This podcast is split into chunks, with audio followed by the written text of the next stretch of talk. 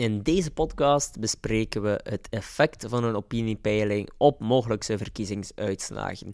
Een opiniepeiling, ja, als die gebeurt door eender welk medium, dan uh, gaat er veel aandacht naar. Maar welk effect psychologisch heeft dat nu op de kiezer?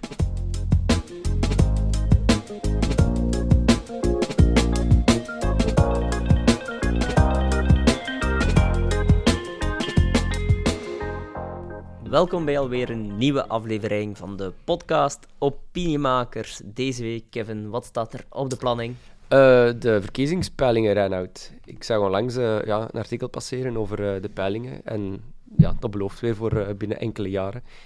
Um, ik, ja, ik vroeg me af, ik bekeek die cijfers zo en ik, ja, ik vroeg me af, die, die, die hoge cijfers van, van bepaalde partijen, creëert dat een, een een sociale norm naar de verkiezingen toe? Gaan die partijen dan effectief ook zoveel halen, of zelfs nog meer, omdat die peiling een norm creëert? Ja, daar is uh, inderdaad, uh, als het gaat over peilingen, daar zit eigenlijk veel meer uh, psychologie in, dat het eigenlijk een politieke relevantie heeft. Want een peiling is niets waard uiteindelijk. Mm. Het gaat om de uitslag op verkiezingsdag. En niet meer, niet minder. Ja. maar veel eerder is de, de peiling een soort ja, journalistieke waarde. Uiteraard heeft het wel een journalistieke waarde. Uh, en en ah, bon, nu ben ik misschien iets te genuanceerd voor deze 12 of 13 minuten uh, durende podcast. Maar het kan ook soms wel in, on, in onderhandelingen, uh, tussentijds onderhandelingen, een bepaald element spelen. Maar over het algemeen is peiling veel eerder emotie door bijvoorbeeld, wat jij terecht zegt, die social proof normen. En voor de mensen misschien, Kevin, social proof, kan je dat even uitleggen? Uh, social proof, ja, dat is eigenlijk dat uh, mensen een, een, ja, een, een, zeg maar een aangeboren drang hebben om, om de, de, de menigte te volgen. Ja, voilà. Dus uh, inderdaad, wat jij ook zegt, de norm.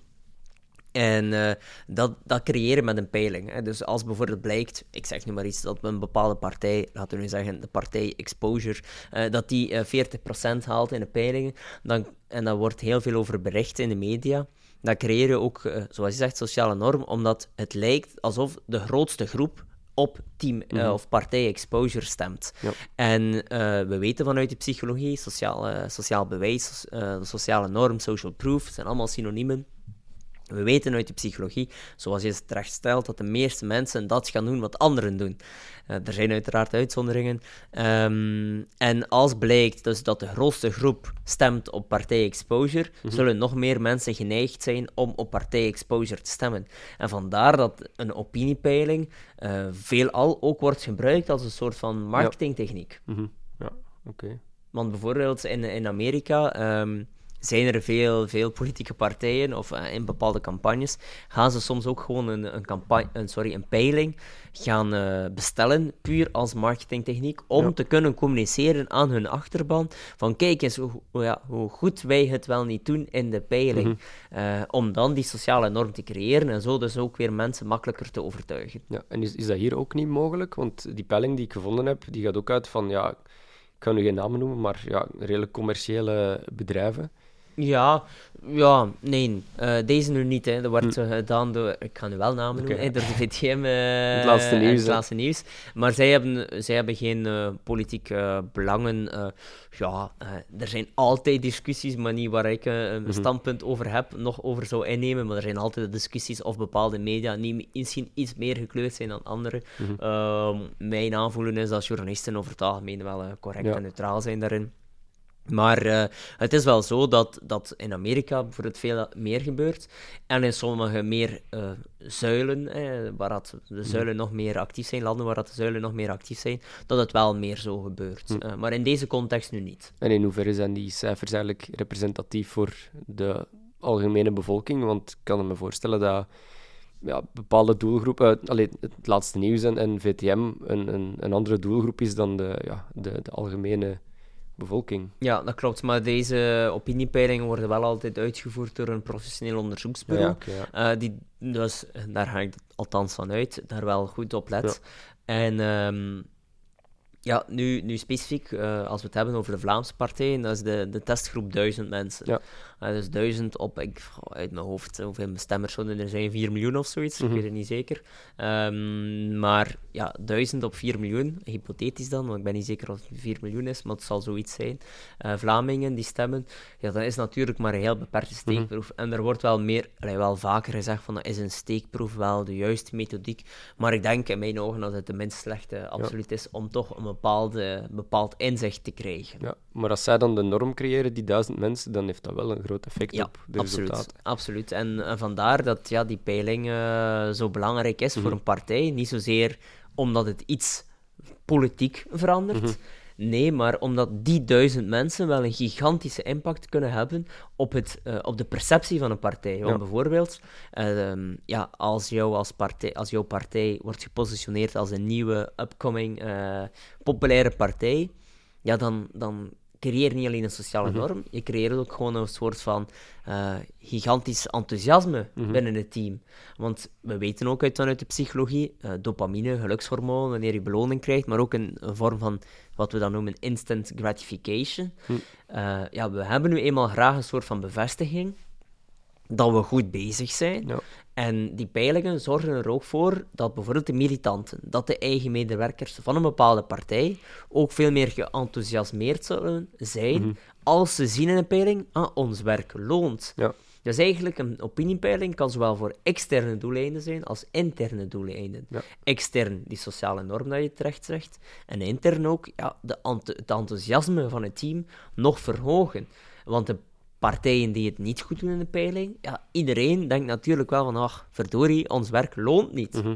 Terwijl die anderen, ons werk loont massaal. Dus we gaan nog meer gemotiveerd zijn om nog meer te doen. En dat versterkt, en dat is dan de winning mood, hè, waar we over spreken. Dat zie je dat dan ook in de resultaten? Bijvoorbeeld, allez, op in negatieve zin dan, dat die, de partijen die, die laag scoren, dat die dan...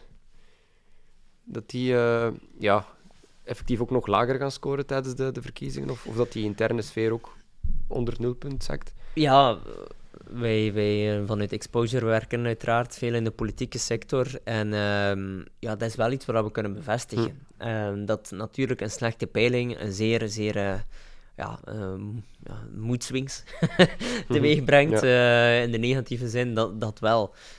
Maar dan is het aan de partij en een voorzitter ook om om de mensen te blijven motiveren, blijven enthousiasmeren. En opnieuw, het blijft slechts een peiling. Maar zoals elke partijvoorzitter zegt, we hebben liever een goede peiling mhm. dan een slechte peiling. Ja.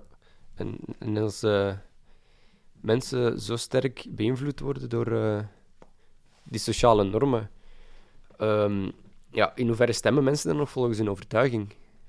Ja, dat is, uh, dat is natuurlijk bijna in de politiek de vraag van, eh, van 1 miljoen, hè, maar er mhm. is ook wel onderzoek naar gedaan. En het, ja, het blijkt ook dat mensen niet altijd, en zelfs meestal, niet op de juiste partij stemmen. Ja. Ehm, wat die hypothese van deze, de effect van een peiling op de stemuitslag een stukje bevestigt.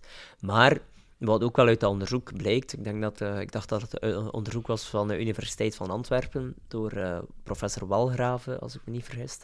Um, dat is ook blijkt dat, dat mensen over het algemeen niet altijd op de juiste partij stemmen. Mhm. Toch niet de partij die het meest aansluit op hun persoonlijke voorkeuren, maar dat ze wel in de juiste richting zitten. Ja. En dan kan een peiling zeer, zeer interessant zijn. Omdat als je dan, ik ga nu even zeggen, centrum links-rechts, bijvoorbeeld Even, de, partij, de peiling was voor vooruit zeer goed.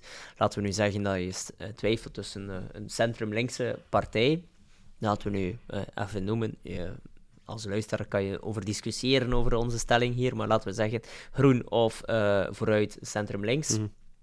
Dat je daarover twijfelt. Ja, als we dan zien wat dat onderzoek aantoont, mensen stemmen niet altijd op de juiste partij, maar je bent bijvoorbeeld intrinsiek eigenlijk ideologisch meer groen, mhm. dan zou, we spreken een hypothesevorm, maar dat kan wel die uh, peilingen ervoor zorgen dat ze sneller op vooruit zullen stemmen uh, door die sociale norm. Oh ja, oké. ja.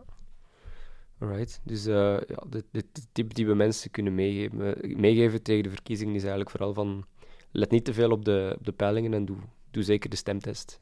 Um, ja, nu spreek je uiteraard vanuit een kiezerstandpunt. Ja. Uh, Ja, dat klopt. Maar natuurlijk weten we ook Mhm. vanuit de psyche en vanuit het eh, gedragswetenschappelijk onderzoek dat eh, de ratio eh, niet altijd wint van de, van de emotie of van de denkfouten. Inderdaad. Dus we kunnen dat wel hier een keer zeggen in deze podcast. En on- ondanks onze miljoenen luisteraars, eh, ja, denk ik dat onze impact slechts beperkt zal Mhm. zijn. En dat natuurlijk nog altijd wel de stem eerder zal gaan naar diegene die ehm, het goed doet in de peiling, dan Mhm. omdat ze het gehoord hebben op de Opiniemakers podcast. Maar voor politieke partijen of mensen die ehm, in het middenveld eh, werk zitten, of mensen die een bepaalde invloed willen uitoefenen op de, po- eh, op de politiek, kan dit wel een, een instrument zijn om, eh, ja, om de verkiezingsuitslag een stukje te gaan. Ik moet opletten wat ik zeg. Ik ging bijna een vies woord zeggen, maar ik kan het toch zeggen: beïnvloeden. om de verkiezingsuitslag een stukje te sturen eh, zoals, je, zoals je het in jouw ideologische, ideale wereld ziet. Alright, oké. Dankjewel, Reinoud, voor deze verduidelijking en eh, tot de volgende. Met veel plezier.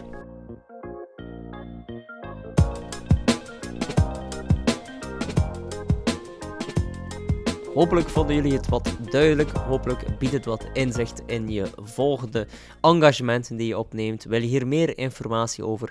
Surf zeker naar www.exposure.be. Daar vind je gratis e-books, webinars over onder andere politieke marketing, maar ook nudging en gedragswetenschappen.